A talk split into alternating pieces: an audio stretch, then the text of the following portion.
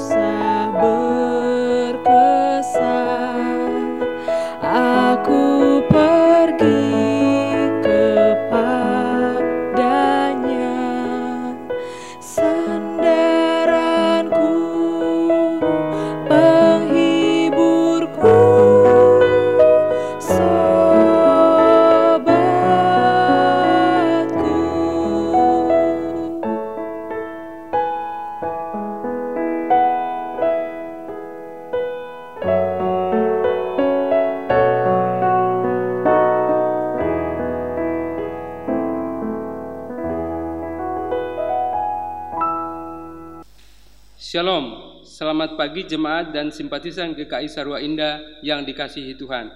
Ibadah Minggu Paskah ketiga pada pagi hari ini akan dilayani oleh Saudara Christian Dewantara, calon pendeta jemaat GKI Sarwa Indah. Segenap majelis jemaat GKI Sarwa Indah mengucapkan selamat beribadah. Tuhan memberkati.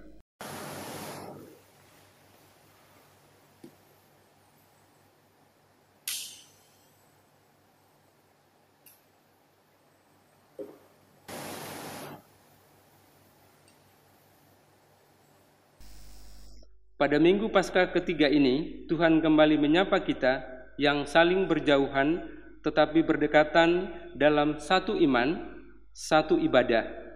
Kita umat pilihan yang ditebusnya dari maut, mari mengangkat suara memuji Dia yang maha mulia. Kita bersama-sama menyanyikan nyanyian umat dari NKB 1 bait 1 sampai 2 Hai Kristen nyanyilah.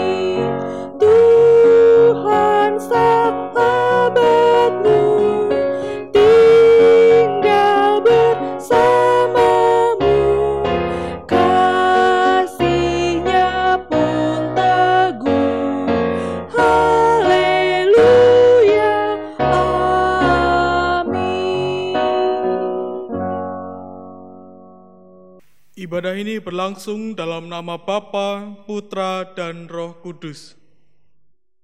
Amin,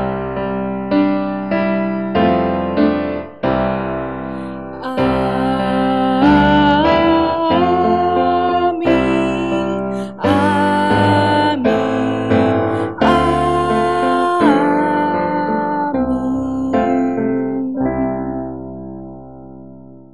Damai dan rahmat Tuhan beserta saudara. Dan beserta saudara juga. Silakan duduk. Saudara yang terkasih, firman Tuhan dalam Efesus 4 ayat 11 sampai ayat yang ke-15 menyatakan, Dan ialah yang memberikan baik rasul-rasul maupun nabi-nabi baik pemberita-pemberita Injil maupun gembala-gembala dan pengajar-pengajar untuk memperlengkapi orang-orang kudus bagi pekerjaan pelayanan bagi pembangunan tubuh Kristus sampai kita semua telah mencapai kesatuan iman dan pengetahuan yang benar tentang anak Allah, kedewasaan penuh dan tingkat pertumbuhan yang sesuai dengan kepenuhan Kristus sehingga kita bukan lagi anak-anak yang diombang-ambingkan oleh rupa-rupa angin pengajaran oleh permainan palsu manusia dalam kelicikan mereka yang menyesatkan tetapi dengan teguh berpegang kepada kebenaran di dalam kasih kita, bertumbuh di dalam segala hal ke arah Dia, Kristus yang adalah kepala. Menilik kehidupan kita melalui firman tersebut adalah kita telah memiliki kedewasaan penuh dan terlebih lagi adakah kita telah berperilaku bertanggung jawab terhadap hidup kita, bertindak, berpikir sesuai dengan tingkat pertumbuhan kita.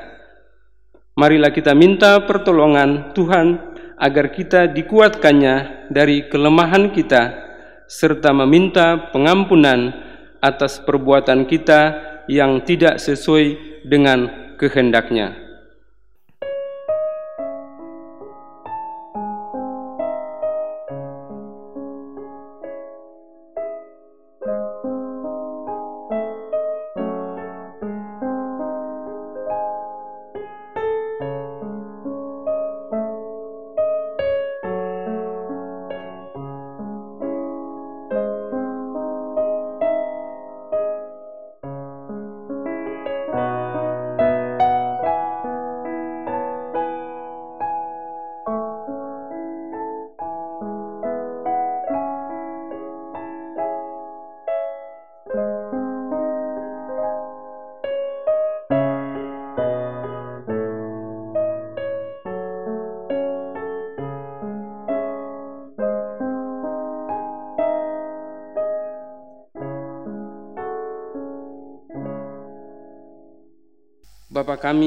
Di sorga, di hadapanmu tidak satu pun yang tertutupi.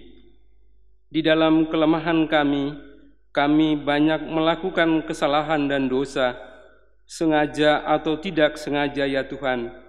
Ampunilah kami ya Tuhan. Mampukan kami Tuhan untuk mempunyai hidup yang baru dan melakukan yang terbaik untuk Tuhan di hari-hari yang akan datang. Di dalam nama Tuhan Yesus Kristus kami berdoa. Amin. Marilah kita bersama-sama menyanyikan nyanyian umat dari PKJ 40 bait 1 sampai baitnya yang kedua. Kasihanilah aku yang lemah.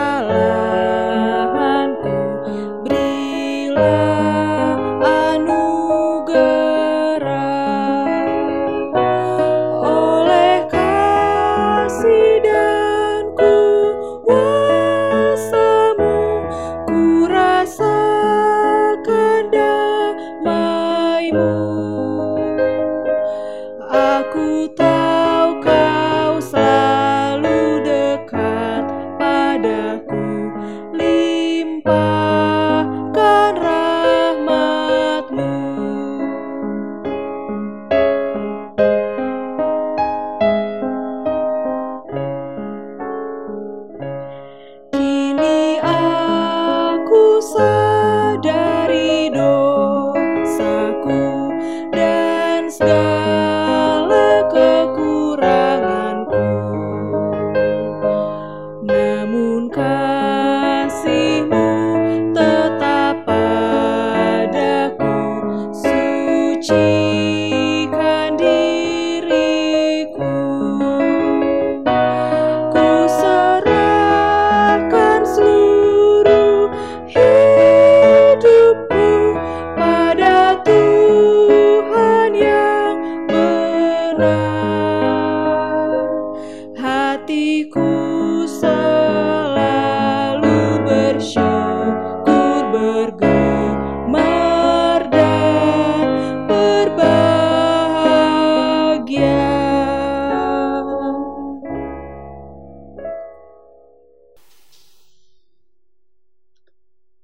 Sekalipun kelemahan kita terus-menerus menjerumuskan kita ke dalam perbuatan dosa, namun firman-Nya bersabda, Sebab aku akan menaruh belas kasihan terhadap kesalahan mereka dan tidak lagi mengingat dosa-dosa mereka.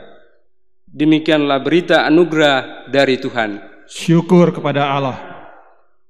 Mari jemaat kita bersama-sama menyanyikan nyanyian umat Kidung Jemaat 39 bait 1 sampai baitnya yang kedua. Ku diberi belas kasihan.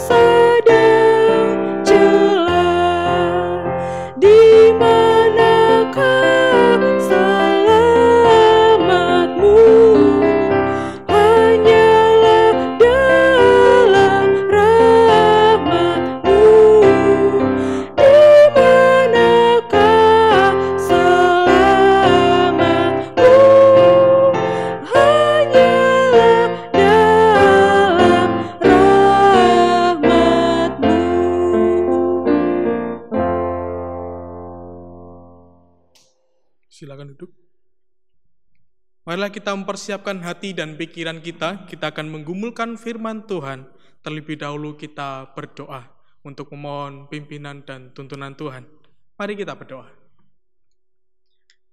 Kami terus mengucap syukur Tuhan di dalam segala hal yang kami alami dalam kehidupan ini. Tuhan bersedia menyapa dan menolong kami. Dan sebagai respon atas kasih-Mu Tuhan yang boleh kami terima, kami pun juga ingin terus belajar firman-Mu. Kiranya Tuhan menolong dan memampukan kami dan menjauhkan segala gangguan yang mungkin saja timbul ketika firman-Mu diberitakan. Kiranya juga Tuhan menolong hamba-Mu yang akan menyampaikan firman, kiranya Tuhan memperlengkapi. Inah permohonan kami Tuhan, dalam nama Tuhan Yesus Kristus kami berdoa. Amin. Pembacaan Injil Yesus Kristus diambil dari Lukas pasal 24. Lukas pasal 24 kita akan baca dari ayat 13 sampai 35 yang berbunyi demikian. Yesus menampakkan diri di jalan ke Emmaus. Pada hari itu juga dua orang dari murid-murid Yesus pergi ke sebuah kampung bernama Emmaus yang terletak kira-kira tujuh mil jauhnya dari Yerusalem. Dan mereka bercakap-cakap tentang segala sesuatu yang telah terjadi.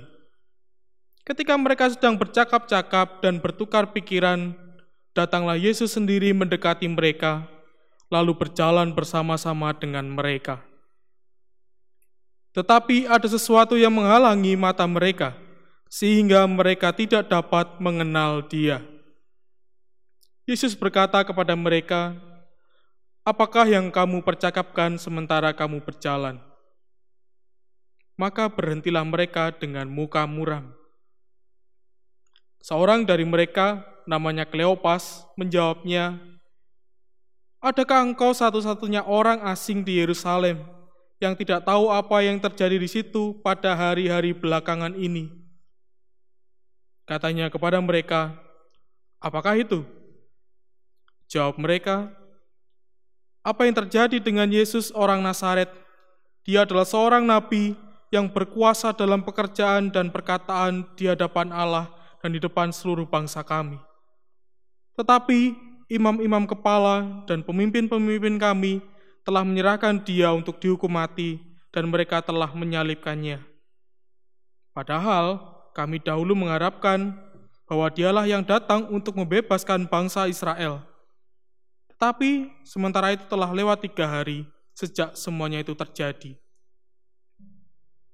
Tetapi beberapa perempuan dari kalangan kami telah mengejutkan kami. Pagi-pagi buta, mereka telah pergi ke kubur dan tidak menemukan mayatnya. Lalu mereka datang dengan berita bahwa telah kelihatan kepada mereka malaikat-malaikat yang mengatakan bahwa ia hidup.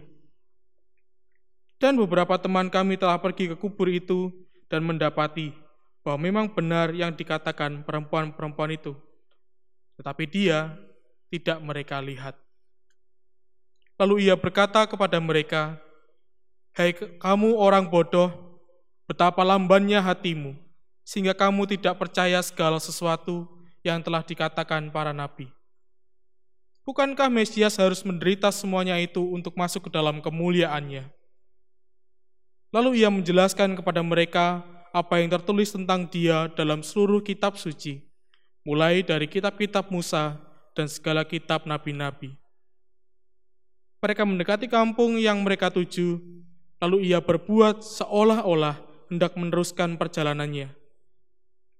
Tetapi mereka sangat mendesaknya, katanya, Tinggallah bersama-sama dengan kami, sebab hari telah menjelang malam dan matahari hampir terbenam. Lalu masuklah ia untuk tinggal bersama-sama dengan mereka. Waktu ia duduk makan dengan mereka, ia mengambil roti, mengucap berkat, lalu memecah-mecahkannya dan memberikannya kepada mereka. Ketika ikut, ketika itu terbukalah mata mereka dan mereka pun mengenal dia. Tetapi ia lenyap dari tengah-tengah mereka. Kata mereka seorang kepada yang lain, Bukankah hati kita berkobar-kobar ketika ia berbicara dengan kita di tengah jalan dan ketika ia menerangkan kitab suci kepada kita? Lalu bangunlah mereka dan terus kembali ke Yerusalem. Di situ mereka mendapati kesebelas murid itu. Mereka sedang berkumpul bersama-sama dengan teman-teman mereka.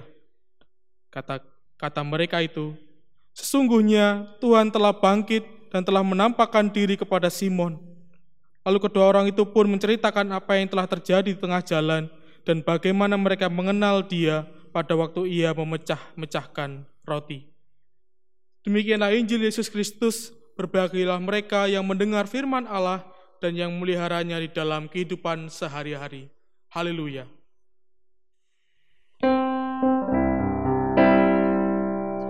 Haleluya,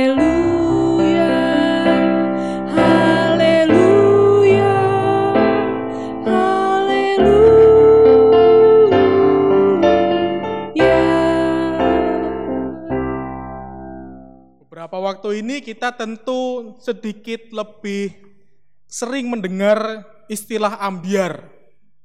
Istilah ambiar ini digunakan oleh banyak orang di luar sana, terkhusus ketika mereka mulai senang dengan lagu-lagu Didi Kempot yang penuh dengan perasaan kecewa, murung, apa ya, sesuatu hal yang ingin menggambarkan ambiar ini tidak sesuai dengan keinginan awal mereka. Ada bagian-bagian yang sebenarnya ingin dicapai, tapi ternyata tidak sesuai dengan yang diharapkan. Ketika ekspektasinya tidak sama dengan kenyataan. Nah, tanpa kita sadari sebenarnya ketika ketika kekecewaan itu membelenggu kita, sering kali kita sulit untuk memahami segala sesuatu dengan jernih. Baik ketika ada seseorang yang mau berbicara dengan kita, apalagi terkait dengan maksud Allah. Ketika kekecewaan lebih menguasai diri kita, sering kali apa yang tampak di depan mata itu malah mengaburkan sesuatu pesan yang ingin disampaikan. Atau mungkin bisa dikatakan demikian, ketika kita kecewa, kita sedikit buram. Pikiran kita, mata kita, maupun juga jalan pikiran kita. Dan itu pun yang terjadi oleh dua murid yang dalam perjalanan menuju ke Emmaus yang disebutkan Kleopas dan temannya. Yang satu tidak disebutkan siapa namanya. Mereka kecewa karena pada awalnya mereka mengira bahwa Tuhan Yesus itu adalah Mesias yang masih di dalam harapan mereka, yaitu membebaskan mereka dari penjajahan Romawi. Jadi orang Israel ini sebelum Kristus datang mengharapkan bahwa Mesias itu hadir untuk melepaskan belenggu penjajahan yang mereka hadapi dari bangsa Romawi. Mereka menginginkan Yesus hadir dan tampil sebagai seorang raja yang punya kekuasaan, seorang raja yang punya power, bahkan menjadi seorang raja yang mampu mengalahkan kekuatan Romawi. Wajar ketika yang terjadi malah sebaliknya, ketika Tuhan malah mati di kayu salib mereka pun ambiar hatinya. Mereka begitu kecewa, mereka bahkan digambarkan muram dalam perjalanan itu. Mereka digambarkan bahwa dalam perjalanan melakukan sebuah perjalanan yang sebenarnya bisa dikatakan tidak pendek, 7 mil, dan mereka dalam kondisi yang muram. Itu pasti menjadi sebuah perjalanan yang tidak enak. Coba kalau kita mengandaikan gitu ya. Kalau dalam suasana hati yang gak enak, mungkin ketika berangkat kerja atau mau ke mana pun, ketika hati kita sedang suram, ketika hati kita sedang kecewa, biasanya perjalanan itu lebih berat dua atau tiga kali lipat. Kita bisa membayangkan kondisi hati kedua murid Tuhan itu. Ketika mereka begitu kecewa, maka wajar saja mereka tidak mengenali Tuhan dalam perjalanan itu. Maka wajar ketika mereka di dalam perjalanan itu tidak bisa melihat dengan jernih ketika Tuhan menjumpai mereka. Karena kekecewaan itu begitu membelenggu mereka, mereka sedang patah hati. Tapi yang menarik adalah ketika Tuhan mengatakan bahwa tentang kebenaran karya Mesias. Mereka seakan-akan tidak menolak, mereka tidak digambarkan menolak penjelasan Tuhan. Mereka mau mendengarkannya sepanjang perjalanan itu, bahkan sampai ketika mereka tiba di tempat mereka dekat Emmaus. Kalau kita melihat tentu setelah dalam perjalanan itu mereka pun mengundang Tuhan yang belum mereka ketahui dan belum mereka kenali untuk ikut singgah itu berarti menunjukkan bahwa mereka pun mulai menyadari bahwa karya Mesias bukan seperti apa yang mereka pikirkan sebelumnya. Mereka mulai belajar bahwa apa yang dia lakukan oleh Mesias tidak semerta-merta seperti apa yang mereka harapkan sebelumnya. Dan yang menarik ketika Tuhan mengatakan mereka itu bodoh, betapa lamban hatinya dan tidak mempercayai segala sesuatu. Mereka sudah tahu sebelumnya bahwa ada perempuan-perempuan yang mengabarkan Tuhan sudah bangkit. Tetapi tampaknya mereka tidak percaya bahwa Tuhan sudah bangkit. Bisa jadi karena kita kembali lagi mengingat bahwa di dalam struktur orang Yahudi, kekuatan patriarki itu begitu luar biasa. Mungkin saja bagi kedua murid ini pengakuan atau kesaksian perempuan-perempuan ini tidak memiliki legitimasi yang baik. Mungkin saja ketika mereka mendengar kabar itu dari perempuan-perempuan ini, mereka tidak percaya karena merasa seharusnya laki-laki yang memberitakan. Bisa saja terjadi seperti itu. Dan mereka pun akhirnya terus dalam kemurungan. Bahkan ketika ada saudara-saudara atau murid-murid yang lain telah menerima penglihatan bahwa Tuhan sudah bangkit. Dan yang menarik, ketika ia dijelaskan begitu rupa, kita boleh melihat dari ayat 30, dan Tuhan mulai memecah-mecahkan roti, mengucapkan berkat, di situlah mereka menyadari bahwa mereka ternyata berjumpa dengan Allah di dalam perjalanan itu. Ketika Tuhan melakukan kebiasaan ketika mereka makan, Tuhan memecah-mecahkan roti, membagikannya, dan mengucapkan berkat. Mereka baru tersadarkan bahwa mereka berjumpa langsung dengan Allah. Dan yang menarik, di dalam ayat 32 dikatakan demikian, Bukankah hati kita berkobar-kobar ketika ia berbicara dengan kita di tengah jalan dan ketika ia menerangkan kitab suci kepada kita? Ayat ini ingin menekankan kepada kita begini, bahwa kemampuan kognitif kita untuk memahami tentang iman Kristen memang diperlukan. Kita perlu tahu isi kitab suci, tetapi Jangan hanya berhenti di situ. Kita diajak untuk terus menggunakan hati dan pikiran dan perasaan kita bahwa kita pun juga berkobar ketika menggumulkan firman Tuhan. Ini yang sering kali sulit untuk kita lakukan.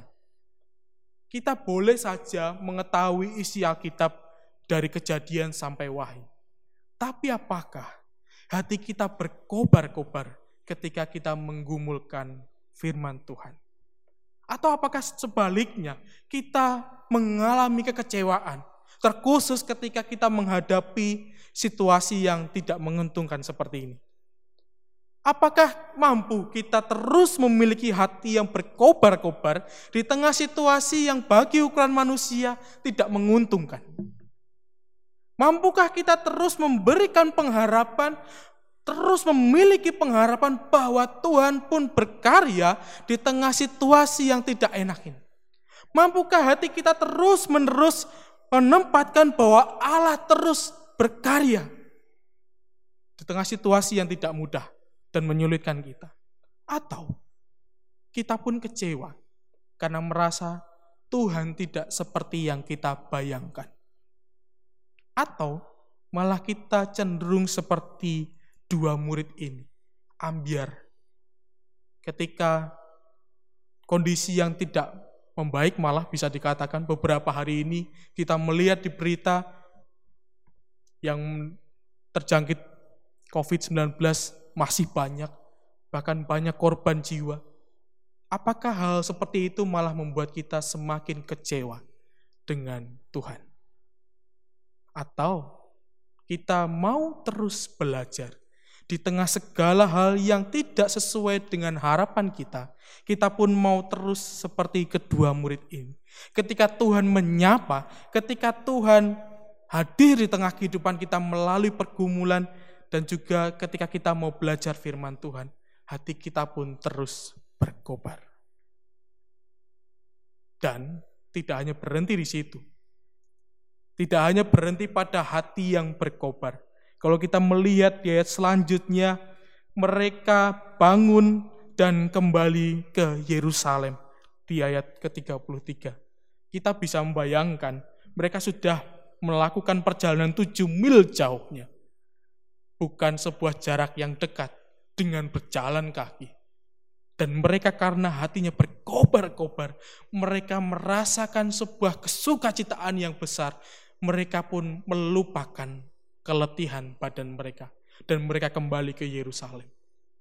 Apa yang mau dikatakan dalam ayat ini adalah bagaimana ketika kita merespon firman Tuhan, kita tidak hanya diharapkan berhenti pada pikiran, tetapi juga Tuhan mengharapkan kita merespon melalui setiap tindakan kita. Tuhan menginginkan ketika kita menggumuli firman Tuhan dan hati kita berkobar, Tuhan mengharapkan itu juga mewujud nyata di dalam kehidupan kita. Ketika hati kita berkobar, Tuhan menginginkan sikap kita, tindakan kita pun juga sesuai dengan kehendak Allah, walaupun di tengah situasi yang tidak menguntungkan. Lalu apa yang bisa kita gumulkan hari ini? Di tengah situasi yang Mungkin semua dari kita dipaksa untuk bekerja dari rumah, atau bahkan mungkin terhalang pekerjaannya karena badai COVID ini. Atau mungkin malah kehilangan mata pencaharian karena segala sesuatunya sedang dibatasi karena untuk memutus rantai penyebaran COVID. Maukah kita terus menjaga hati kita? Maukah kita mau dibaharui oleh iman? Maukah kita terus bersedia akan dituntun Tuhan? Maukah kita memasrahkan diri kita agar Tuhan berkarya dan hati kita pun terus berkobar? Tentu sulit. Karena tentu banyak kekhawatiran yang ada di dalam diri kita maupun juga kekecewaan-kekecewaan. Karena segala sesuatu yang kita kerjakan atau kita hadapi tidak sesuai dengan rencana yang mungkin sudah kita pikirkan jauh-jauh hari. Mungkin juga saat ini kita sedang kecewa karena banyak rencana-rencana atau angan-angan yang ingin kita kerjakan kandas karena situasi. Kembali, apakah kita mau terus diperbaharui firman Tuhan dalam kehidupan kita? Pun mau merespon di dalam segala kesesakan ini dengan hati yang terus berkobar, terus bersuka cita, dan terlebih lagi kita pun juga boleh mendukung saudara seiman kita yang mungkin lebih terdampak lebih keras karena badai COVID ini. Kiranya firman hari ini menolong kita untuk mau merespon firman Tuhan dan terlebih lagi kita menghidupinya dalam hari lepas hari. Amin.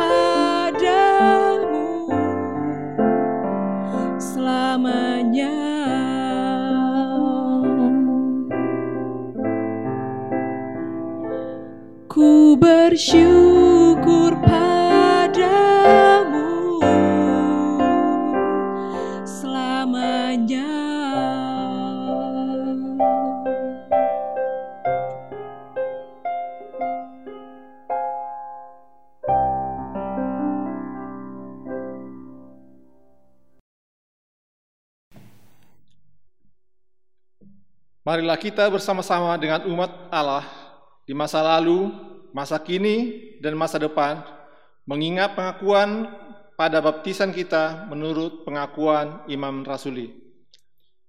Aku percaya kepada Allah Bapa yang Maha Kuasa, Khalid langit dan bumi, dan kepada Yesus Kristus, anaknya yang tunggal Tuhan kita, yang dikandung daripada roh kudus, lahir dari anak darah Maria, yang menderita sengsara di bawah pemerintahan Pontius Pilatus, disalibkan, mati dan dikuburkan, turun ke dalam kerajaan maut.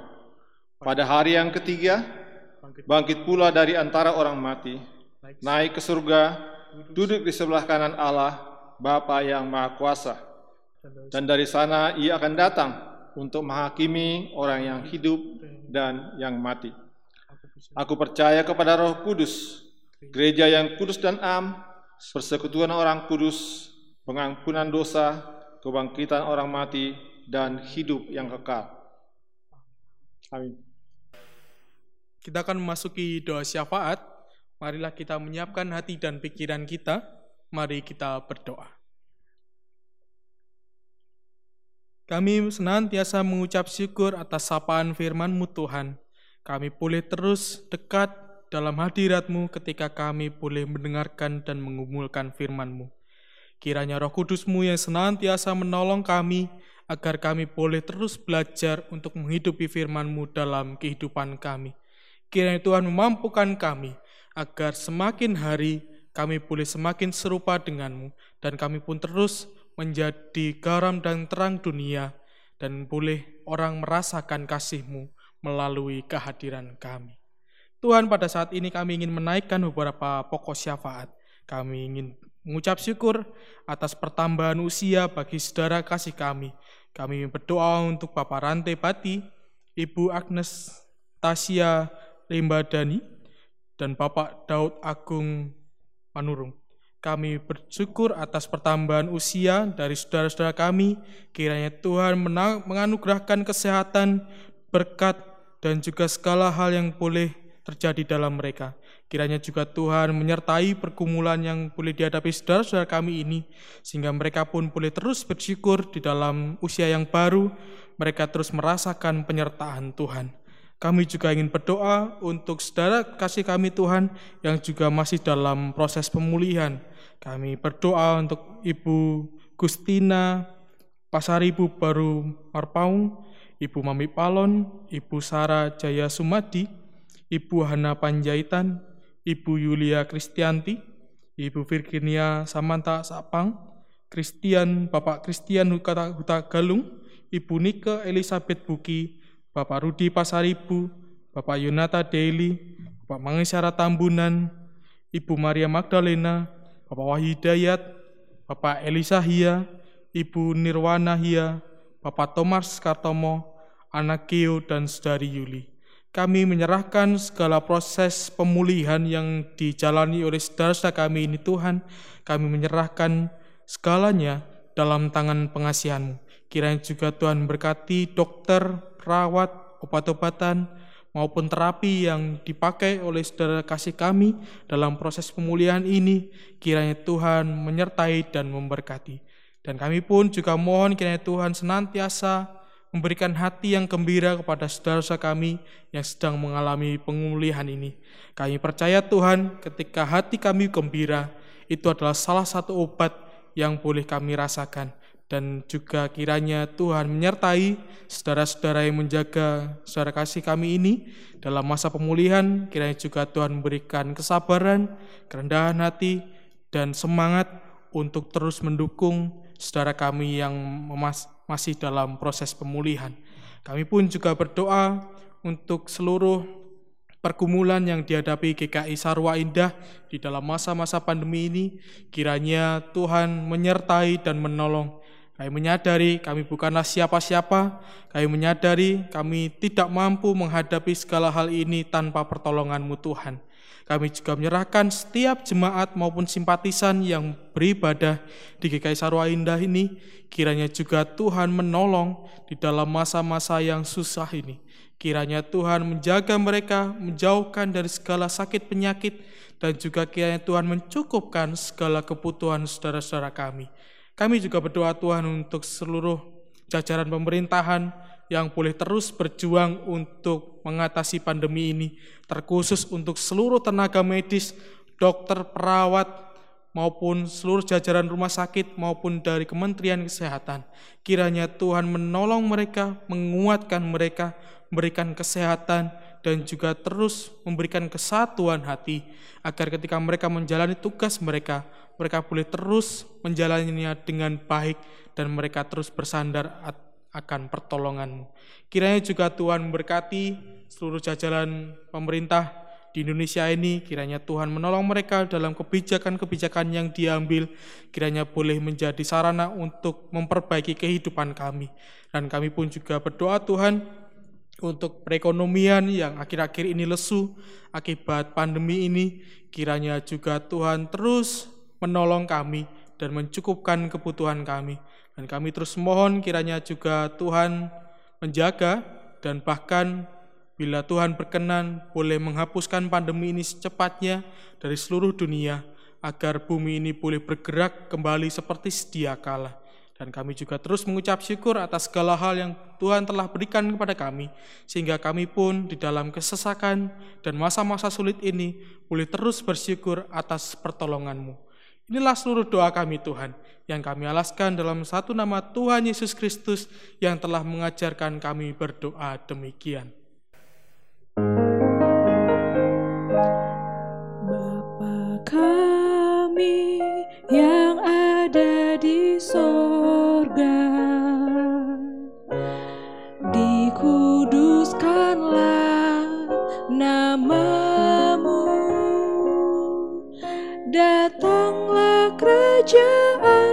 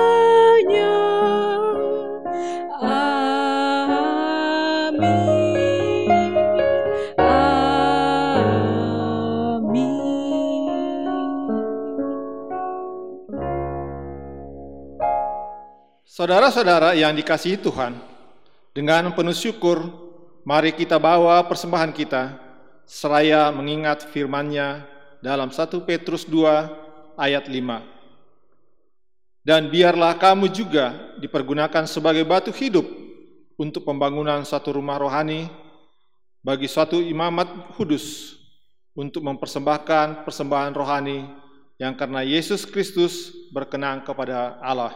Nyanyian umat KJ 367 ayat 1 dan 3. Padamu Tuhan dan Allahku.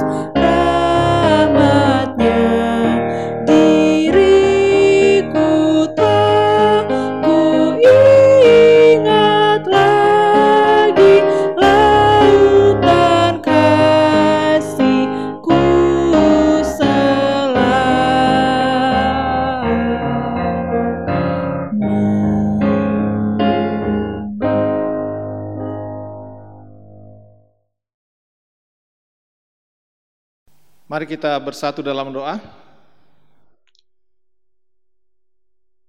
Allah yang Maha Kasih, Allah yang Maha Besar, puji dan syukur kami panjatkan kerapmu Tuhan di pagi yang indah ini. Engkau telah memberikan sukacita dan napas kehidupan buat kami semua Tuhan.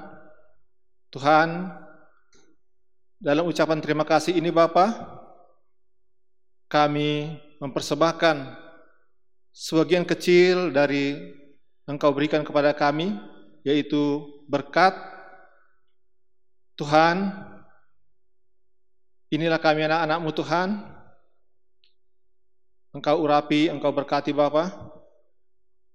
Tuhan Yesus, berkati dan urapi Bapa seluruh majelis dan seluruh komisi-komisi yang akan mengelola persembahan ini untuk memperbesar dan memperlebar kerajaan-Mu di dunia ini. Tuhan, kami mengucap terima kasih atas segala berkat yang Kau berikan kepada kami. Terima kasih Bapa, terpujilah namamu di bumi dan di sorga. Amin. Kita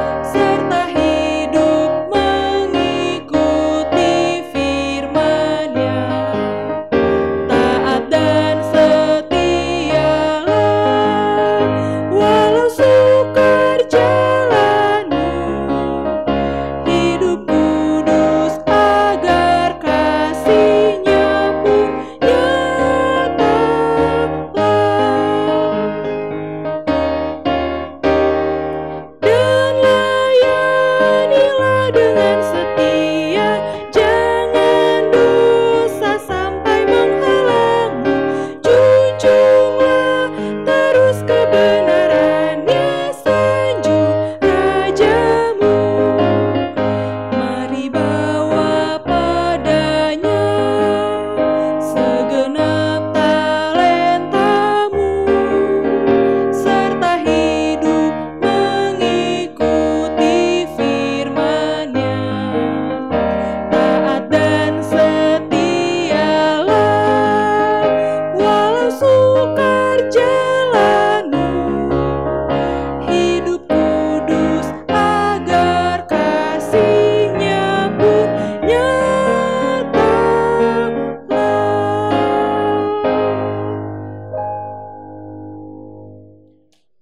kita mengarahkan hati kita kepada Tuhan.